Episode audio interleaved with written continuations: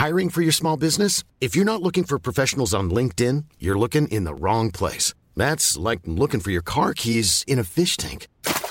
LinkedIn helps you hire professionals you can't find anywhere else, even those who aren't actively searching for a new job but might be open to the perfect role. In a given month, over 70% of LinkedIn users don't even visit other leading job sites. So start looking in the right place. With LinkedIn, you can hire professionals like a professional. Post your free job on linkedin.com slash people today.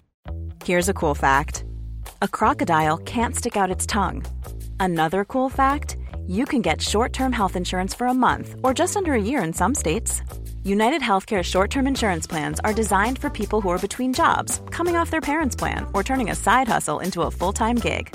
Underwritten by Golden Rule Insurance Company, they offer flexible, budget friendly coverage with access to a nationwide network of doctors and hospitals. Get more cool facts about United Healthcare short term plans at uh1.com. Hey there, it's Michelle Norris. I'm host of a podcast called Your Mama's Kitchen. When I travel, I'm usually looking for a way to find a taste of home when I'm not at home. And one of the things I love to do when I am at home is entertain. And Airbnb allows me to do that. When I was in California recently, I rented a house that had a great kitchen. And when we were sitting around the table, we're all thinking, we're in someone else's house. Someone could be in all of our homes as well. If you have a home, but you're not always at home, you have an Airbnb. Your home might be worth more than you think. Find out how much at airbnb.com/slash host. Att hamna i en nedåtgående spiral kan hända vem som helst, men hur tufft det än känns så går det att bryta. Det vet dagens gäst som har varit nere i en avgrund av skulder, men hon slog sig fri och idag siktar hon mot att bli ekonomiskt oberoende. En otrolig resa bjuds på idag i Smarta Cash, podden som peppar till en bättre ekonomi och rikare framtid med mig Isabella Amadi.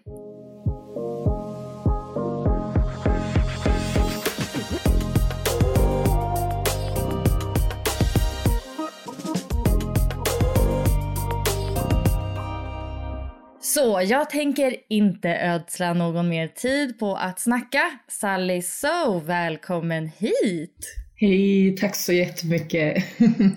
tack.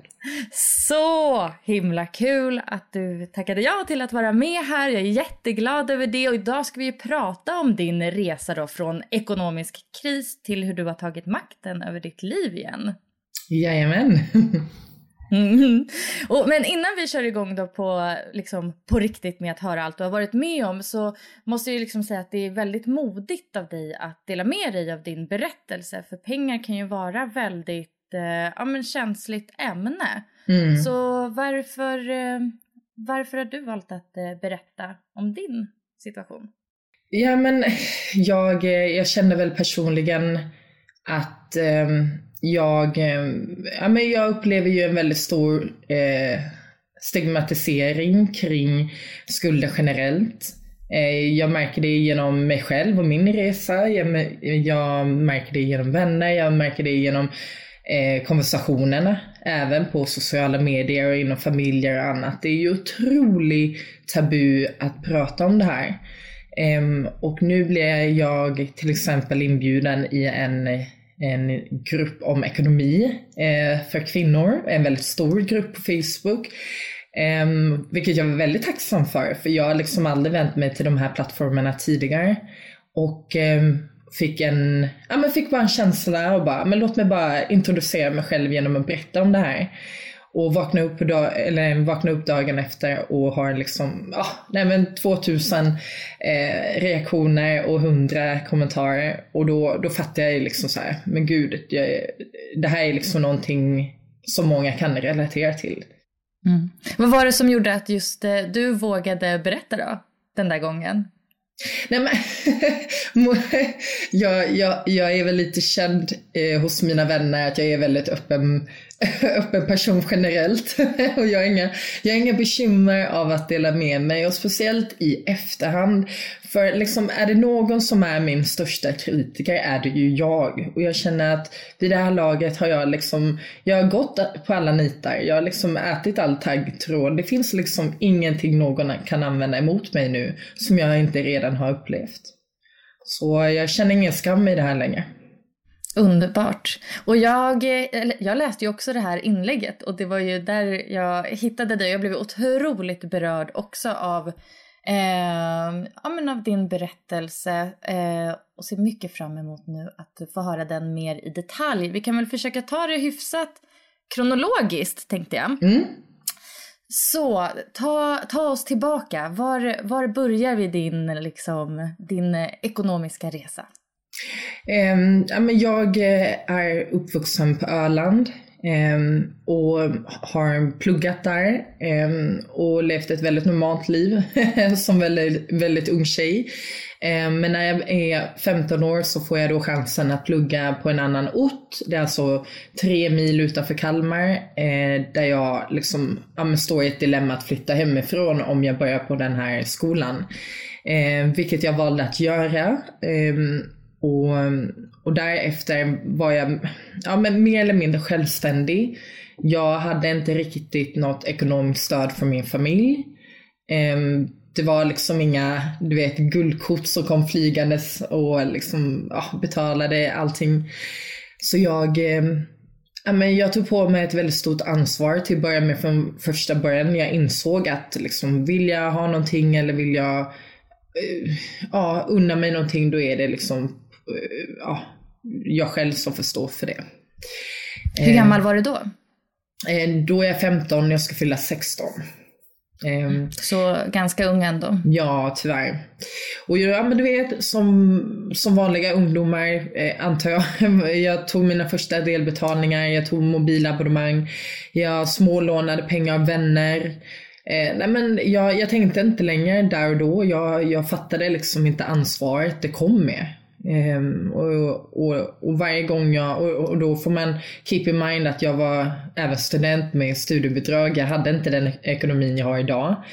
Uh, så jag var otroligt naiv och bara körde på, liksom levde för dagen lite. Uh, och ville gärna unna mig lika mycket som personer i min egna ålder. Um, men jag är uppvuxen med en ensamstående förälder. Um, ja, när, när, mina föräldrar, eller när mina vänner inte, eller de hade andra förutsättningar kanske att kunna göra olika grejer, åka på resor och ta körkort tidigt och det, det hade inte jag. Eh, och när jag väl tog upp det med mina, eh, med mina nära och kära och annat så, så fick man ju otroligt ofta väldigt oönskade reaktioner. Eh, och redan där var det att jag bara stängde, alltså stängde alla dörrarna. Jag höll verkligen hela den här resan för mig själv efter det. Mm. Men vad kunde de säga då när du försökte prata pengar? Men, ja, det, det, det var ju väldigt länge sedan men reaktionen generellt var ju att man skulle skämmas. Liksom. Det, det, var ju, det var ju helt oacceptabelt att man kan vara så oansvarig Eh, och inte fattar liksom, konsekvenserna av det. Och känner man att man liksom tar på sig för mycket vatten över huvudet, att man inte gör någonting åt saken. Och, men jag hade ju inte möjligheterna liksom, där och då att, att börja jobba. Eller, liksom, och jag kände inte för att jobba nattpass och plugga och jobba helg och annat. Det var ju bara en, en ond cirkel från dag ett. Mm. Mm. Så du bodde själv, gick gymnasiet, eh, hade börjat ta lite smålån här och där. När blev det ett problem? Eh, när det kom för många räkningar och alldeles för höga. Det, det, jag kan inte säga en dag, jag kan inte säga en plats, utan det när man, när man, märk, när man börjar inse att det är utanför ens kontroll. Att det är betydligt mer än vad man kan eh, liksom eh, ja, men, eh, ah, sköta varje månad eller betala varje månad. När man känner att det är alldeles för mycket då, det var väl där jag kände att det började spåra. Och jag var alldeles för ostrukturerad och hade alldeles för låg inkomst. Det, ja, så man började liksom prioritera, prioriterade bort, man blundade för breven, man öppnade inte dem till slut, man bara totalt började ignorera det och trodde typ att de skulle puff försvinna. Mm. Yeah. Men liksom, hur snabbt växte det här skuldberget? Eh, det är jättesvårt att säga när, eh, men det skedde ju väldigt, väldigt fort. Eh, redan, redan när jag var 17 och 18 började så påminnelser komma. eh, med varningar till inkassobolag. Eh, och med alla räntorna och med alla påminnelserna gick ju det verkligen från normala räkningar till tresiffrigt till sexsiffrigt. Och det var där jag hamnade. Och eh, hamnade till slut inom Kronofogden. Jag, jag kan inte exakt vilket år. Eh, men det måste ha varit eh, kanske när jag var 2021 kanske. Kan ha varit tidigare också. Eh, men eh, och när jag väl, ja, mycket senare då eh, sökte hjälp hos Kronofogden, då var ju mina skulder för lit, alltså för små för sanering. Men eh, dina skulder då när det var här som värst, hur, hur stora blev de? Sexsiffrigt. Mm. Ja, och ja, det måste känts eh, ex, alltså, som något extremt liksom, överhängande en hela tiden. Hur mådde du under den här perioden? Jag eh, eh, tror att det är ingen hemlighet att eh, många som är i samma situation som jag lider av väldigt mycket eh, underliggande ångest och stress. Eh, och även upplever, ja, upplevde väldigt många gånger att jag var frustrerad och jag kände mig även uppgiven i många, många tillfällen. Um, och även på mina bästa dagar kunde jag känna ångesten, den låg där hela tiden. Eh, och jag lider även av psykisk ohälsa med eh, återkommande depressioner, med liksom toppar och dalar. Eh, och har gjort i väldigt, väldigt många ehm, år av mitt liv. Och ehm, det har ju definitivt inte varit en, en, en oh, eh, någonting som har gått hand i hand med det här. Det här har ju påverkat mig otroligt mycket mer tror jag. Just för att jag aldrig kunde ha den här mentala eh, stabi eh, eh mentala eh, stabiliteten liksom. Eh, många dagar låg man i fosterställning och tyckte allting var jobbigt. Men, ja. Så det var, det, det var inte lätt. Mm. På vilka sätt eh, påverkades ditt liv av liksom de här ekonomiska bekymren? Jag tänker på inte bara det här känslomässiga, psykiska, men också typ, ja men kunde du, kunde du köpa saker eller liksom, ja, Eh, nej, jag kunde inte göra det. Eh, jag hade ingen överhuvudtaget bra kreditupplysning. Det, alltså de, det bara, de skickade en brev att de hade tagit kreditupplysningar om och om, om igen. Eh, och jag till slut visste inte vilket bolag som hade gjort det för att det var Nej men det, ja, det är olika bolag som gjorde det. Eh, och jag tvingades alltså betala allting direkt eller kontant det minsta köp jag gjorde, speciellt online. Ehm, och ja, när jag hyrde lägenhet, när jag flyttade till Stockholm, då var det bara i andra hand. Och då var jag alltid, alltid livrädd för att de skulle be mig om underlag för finansiell, eller finansiella ehm, eh, situationen man är i. Eller liksom hur man har det finansiellt. Eh, då var jag alltid, alltid jättenervös så jag såg alltid till att jag hade liksom tillräckligt för depressionen så det inte var någon snack om saken. men det, ja, och ja, jag fick inte skatten och ja, men det var hur mycket som helst. Mm. Kan man ens stå på ett eh, mobilabonnemang? Nej, det är bara kontantkort. Än idag har jag det kontantkortet jag skaffade när jag var i skulder. Men nu kunnat göra om det till ett abonnemang. Så det var, ja. Livet tuggade på så här. Eh, när vände det? Liksom, vad var det som gjorde att du fick nog?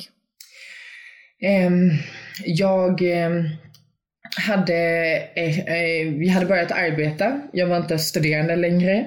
Eh, men tyvärr hade jag haft väldigt, väldigt många halvdana eh, jobb tidigare med liksom rörlig lön.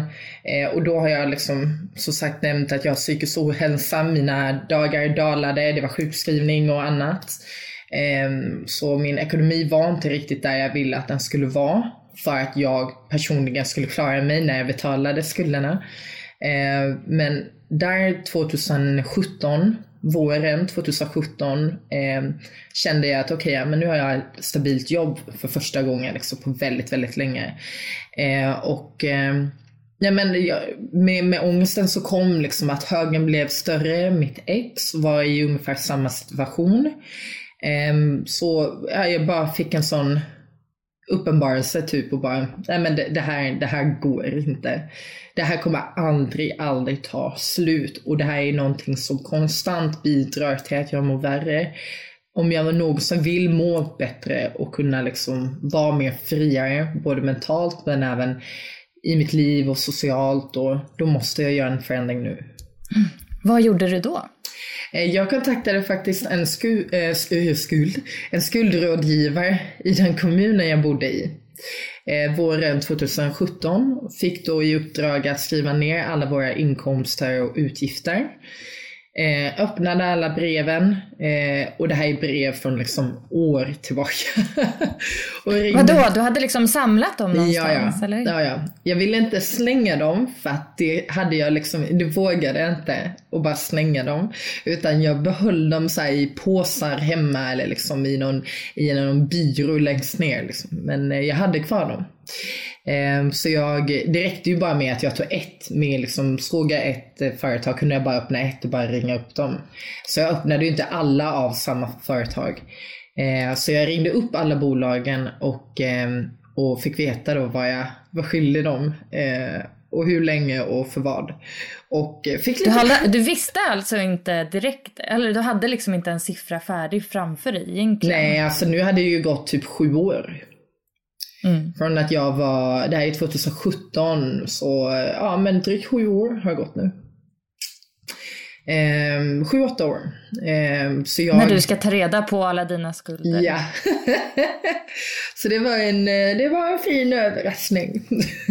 så, jag, så jag ringde upp dem i alla fall och direkt fick jag ju veta då att det var otroligt många mi mindre eh, skulder men väldigt många ja men du vet hur man säger, många bäckar små. Eh, och kanske två, tre företag som var över ja, 40-50 eller vad det var då. Och eh, så jag la direkt, direkt när jag hade kontaktat alla bolagen, vilket var väldigt många då, eh, då kunde jag säga, okej okay, men hur mycket är det här? Så jag hade ett återbesök, kommer jag ihåg, med skuldrådgivaren. Och bara okej, okay, hur gör jag? Det här är en djungel, liksom. Vart börjar jag? Eh, och då fick jag i rekommendation att börja med de små så att man sen kan gå högre i betalningarna till de, de eh, bolagen som hade mer eh, skulder. Okej, okay, och vad, hur gjorde du det praktiskt då? Du, eh, hur, liksom, hur mycket av din lön gick till avbetalningar? Alltså det, det är väldigt beroende på vad, hur stora skulderna var. Beroende på hur stora de var reglerade jag dem för varje månad.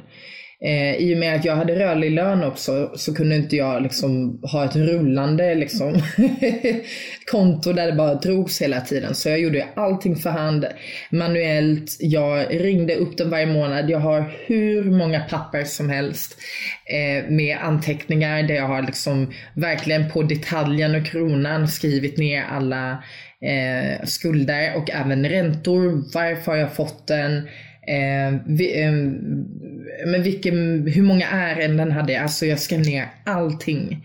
Eh, och det är ju bara för att så funkar jag. Jag behöver bara ha liksom, bara rakt på sak, bara kör.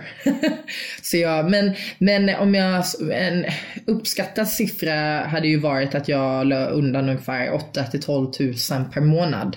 Om jag blickar tillbaka på mina papper. Eh, så det dalade väldigt mycket beroende på, för jag vill inte heller liksom Eh, ta på mig för mycket att betala för att det hade ju bara varit en ond cirkel för mig att fungera alltså, normalt i min vardag och kunna äta och liksom kunna ha kläder och, och nej inte kläder men, men kunna leva som människa utan annars startar jag en ond cirkel igen där jag mår dåligt över det.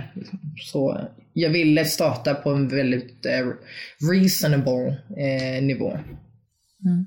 Vad var vettigt för dig då att spara in på under den här tiden? För det är ändå ganska stora summor du alltså, lägger undan då varje månad. Mm. Eh, jag, jag sparade inte in på någonting. Eh, för att saken är den att jag, eh, det första jag gjorde var att betala räkningarna. Alltså jag satt på dagen. för att jag vet hur jag är. Är de där och jag börjar, du vet, går förbi en butik. Nej men det, det var otroligt eh, frestande att ha så mycket pengar och, och det här är typ första gången på väldigt länge där jag har en väldigt stabil lön och väldigt bra lön. Så det var det var frestande också att ha de pengarna och veta om det.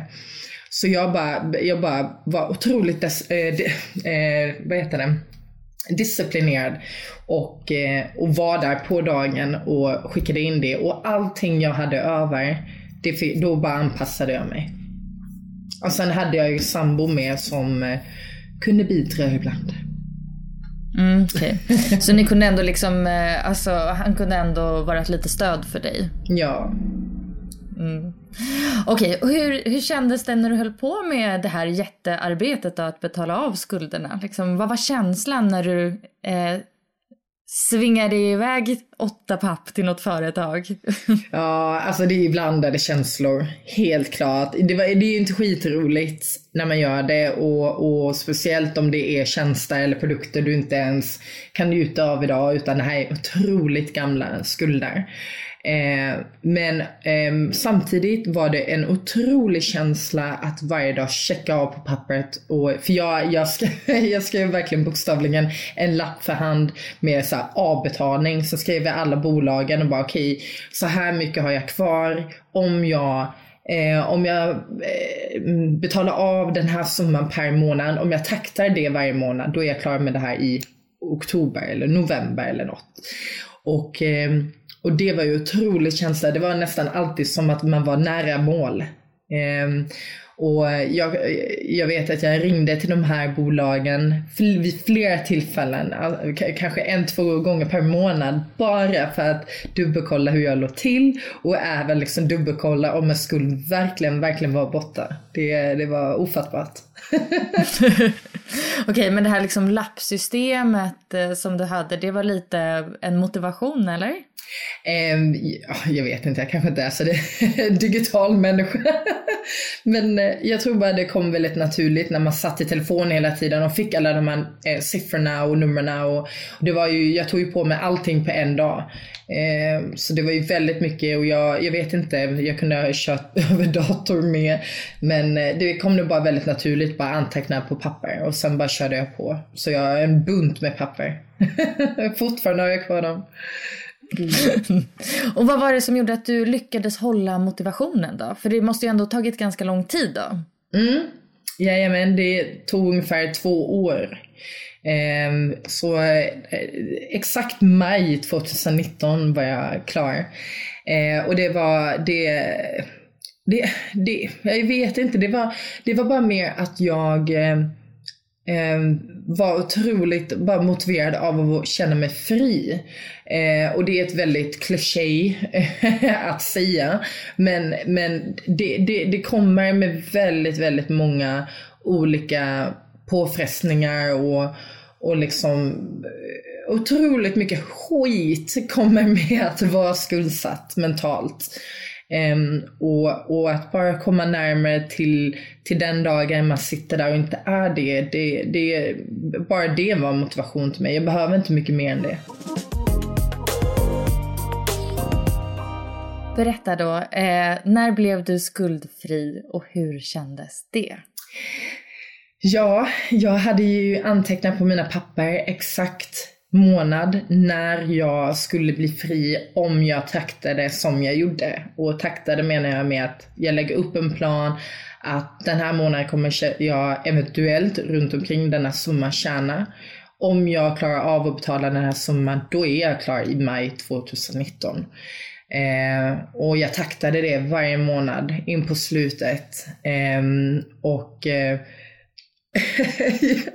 jag kommer ihåg att jag, att jag hade en sista stor skuld. Eh, där, de, där jag bara smällde in en jätte eh, eh, skuld, eller eh, räkning till dem för att kunna hinna då till maj 2019 och då ringer jag till det här bolaget och, och frågar dem om det verkligen, verkligen är över. Det är inte en krona över. Och då sa de att ja, nu, nu är det klart. Och de visste typ vem jag var vid det här laget. Så de bara, ja, det är hon som ringer igen. Ja, du är klar. Så, så du var, var lite minikändis ja, på de här företagen. Ja, jag, jag var nog det. Konstigt nog. Ja. Men jag, eh, och där, det, jag kommer ihåg att jag var själv hemma och bara, ja, men kastade mig på soffan och bara, bara skrattade typ. Alltså jag var så otroligt lättad och bara, nej men gud det här, och det var så konstigt även efteråt för att, För att helt plötsligt, inte att jag gjorde det, eh, men det var så här, jag kan gå in och liksom köpa någonting på avbetalning. liksom, jag kan göra det här och det här. Men gud, kan jag göra det här? Alltså det, det var en sån omställning för mig mentalt. Så det är, det är riktigt. Det tog lång tid innan jag fattade liksom, vad det innebar. Men var det den här frihetskänslan som du hade liksom eftertraktat? Ja, Infann sig den på riktigt? Ja, helt klart. Helt klart. Det, det är ju väldigt farligt om man inte Eh, håller den disciplinen jag hade då det hade varit otroligt farligt för kanske en annan person. Eller, eller liksom så här, för att man blir, det, det, det kan ju slå över med. Att man bara okej, okay, oh, nu kan jag göra vad jag vill och liksom, nu kan jag ta på mig allt det här. Och många av min, mina, eh, min, min familj och mina vänner visste, eller en del vänner visste om den situationen jag var i och de var väldigt stöttande där mot slutet. Och, och sa det rakt ut till mig. De bara, var, alltså var försiktig nu. Alltså nu, jag fattar att det kommer med väldigt mycket lycka och liksom hopp och men kasta dig inte in i skuldlivet igen och ta på dig någonting nu bara för att du kan. Eh, så jag höll mig verkligen på tårna där i flera månader bara, jag ska inte göra någonting. ja. ja, men hur ser ditt liv ut idag då? Eh, stabilt jobb och inkomst. Oh, så skönt. Vanliga räkningar och ingenting som ligger efter mig. Aldrig gjort det efter eh, 2019 där. Eller ja, 2019. Eh, men utöver det, eh, jag storhandlar en gång med min sambo. Eh, mindre köp såklart, mjölk, bröd, sånt som går fort gör vi ihop. Eh, eller gör vi i efterhand menar jag. Ehm, och eh, jag har alla mina utgifter antecknade, inklusive tillfälliga utgifter, kanske om någon fyller år eller någonting oväntat, eh, tandläkare eller annat. Så att jag vet redan när lönen kommer vad jag behöver betala och jag kör likadant som vanligt att jag eh, betalar räkningarna på dagen för att jag sen bara ska känna mig helt amen, okej okay, eller liksom att jag inte har någonting efter, efter mig. Mm. Men känner du att det finns en risk att du kanske trillar dit igen? Um, nej. Nej, det kan jag, nej. Jag aldrig, jag kommer aldrig tillåta det. nej, jag kommer göra verkligen allt för det, men, det, men eh, nej, jag, jag måste säga nej där. Vad drömmer du om nu? Ekonomiskt oberoende, det vill jag bli. Ja men det, alltså det är otroligt högt och folk reagerar säkert på det men det är verkligen dit jag vill nå. Eh, och jag är långt ifrån att bli det. Eh, just nu har jag ett, eh, ett treårsmål som jag sparar till till att börja med. Eh, för att jag vill ha liksom en riktig buffert innan jag är 30. Jag är 27 idag. Ehm, och ehm, jag håller på att lära mig mer om aktier och fonder och vill ja, men engagera mig mer och investera verkligen i min framtid och ekonomi. Men det kommer ta år självklart, men eh, det, man får hitta sätt att komma dit. Ja, och hellre år mot ekonomiskt eh, oberoende än år ner i skuldträsket. Jajamän. Mycket har hänt. mm. Vilka är dina tips då till de som har hamnat i eh, samma trista situation? Ja, eh, ja det tar emot när man är i den situationen, men personligen, jag som även varit igenom det, eh, hade önskat att jag sökte hjälp mycket, mycket tidigare. Eh, att det finns hjälp att få, det finns inom kommunen, men även ni som har stöttande familjer och vänner, att man tar hjälp och ber om hjälp.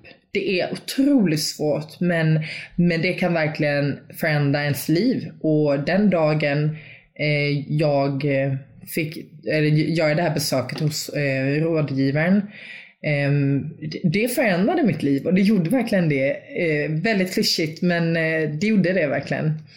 Eh, och, och nu liksom 2021, det finns internet, det finns Facebookgrupper, det finns podcast som din eh, och böcker, alltså om man vill ha lite hopp och inspiration. Alltså det finns så otroligt mycket plattformar man kan vända sig till nu om man känner att man först bara behöver samla kraft för att ta tag i det här överhuvudtaget. Eh, och sen bara göra en sån eh, som jag var inne på innan, verkligen så här, klarlägg dina skulder. Hur många är det egentligen? Kanske är det färre än vad du kanske har föreställt dig. Kanske är det liksom mindre. Många gånger kanske man bara försvinner i all dimma och bara känner att det är otroligt mycket av allting. Men sen när man verkligen eh, kartlägger det, då är det en helt annan femma. Eh, så kartlägg skulder, inkomster och utgifter. Ehm, och jag menar det sker inte över en dag, det är, det är en långsiktig vinst som jag brukar säga. Och man får bara lita på processen och sina framsteg. Det, det är fullt möjligt. Helt klart. Mm. Och alltså hur, hur värt var det att ta sig igenom hela den där jobbiga avbetalningsprocessen?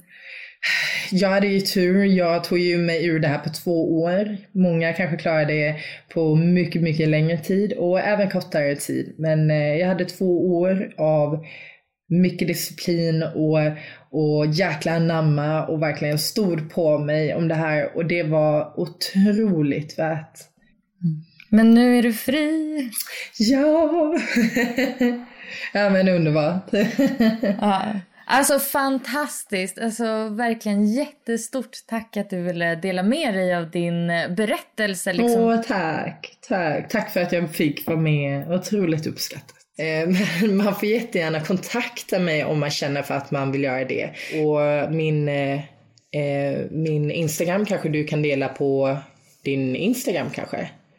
Det är mitt för och efternamn. Så det är I am Sally So. Eh, man får jättegärna skriva DM till mig på Smarta Cash Podcast om man vill någonting eller skicka sina frågor till min mail smartacashpodcast@gmail.com.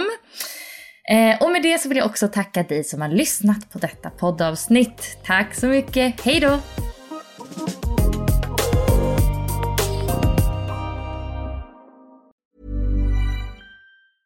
Hey, it's Paige DeSorbo from Giggly Squad. High quality fashion without the price tag. Say hello to Quince. I'm snagging high-end essentials like cozy cashmere sweaters, sleek leather jackets, fine jewelry, and so much more. With Quince being 50 to 80% less than similar brands. And they partner with factories that prioritize safe, ethical, and responsible manufacturing. I love that. Luxury quality within reach. Go to quince.com slash style to get free shipping and 365-day returns on your next order. quince.com slash style. Even when we're on a budget, we still deserve nice things. Quince is a place to scoop up stunning high-end goods for 50 to 80% less than similar brands. They have buttery soft cashmere sweaters starting at $50, luxurious Italian leather bags, and so much more. Plus, Quince only works with factories that use safe, ethical, and responsible manufacturing. Get the high-end goods you'll love without the high price tag with Quince. Go to quince.com/style for free shipping and 365-day returns. Imagine the softest sheets you've ever felt. Now imagine them getting even softer over time. That's what you'll feel with Bowl and Branch's organic cotton sheets. In a recent customer survey, 96% replied that Bowl and Branch sheets get softer with every wash. Start getting your best night's sleep in these sheets that get softer and softer for years to come. Try their sheets with a 30-night guarantee. Plus, get 15% off your first order at bowlandbranch.com. Code BUTTERY. Exclusions apply. See site for details.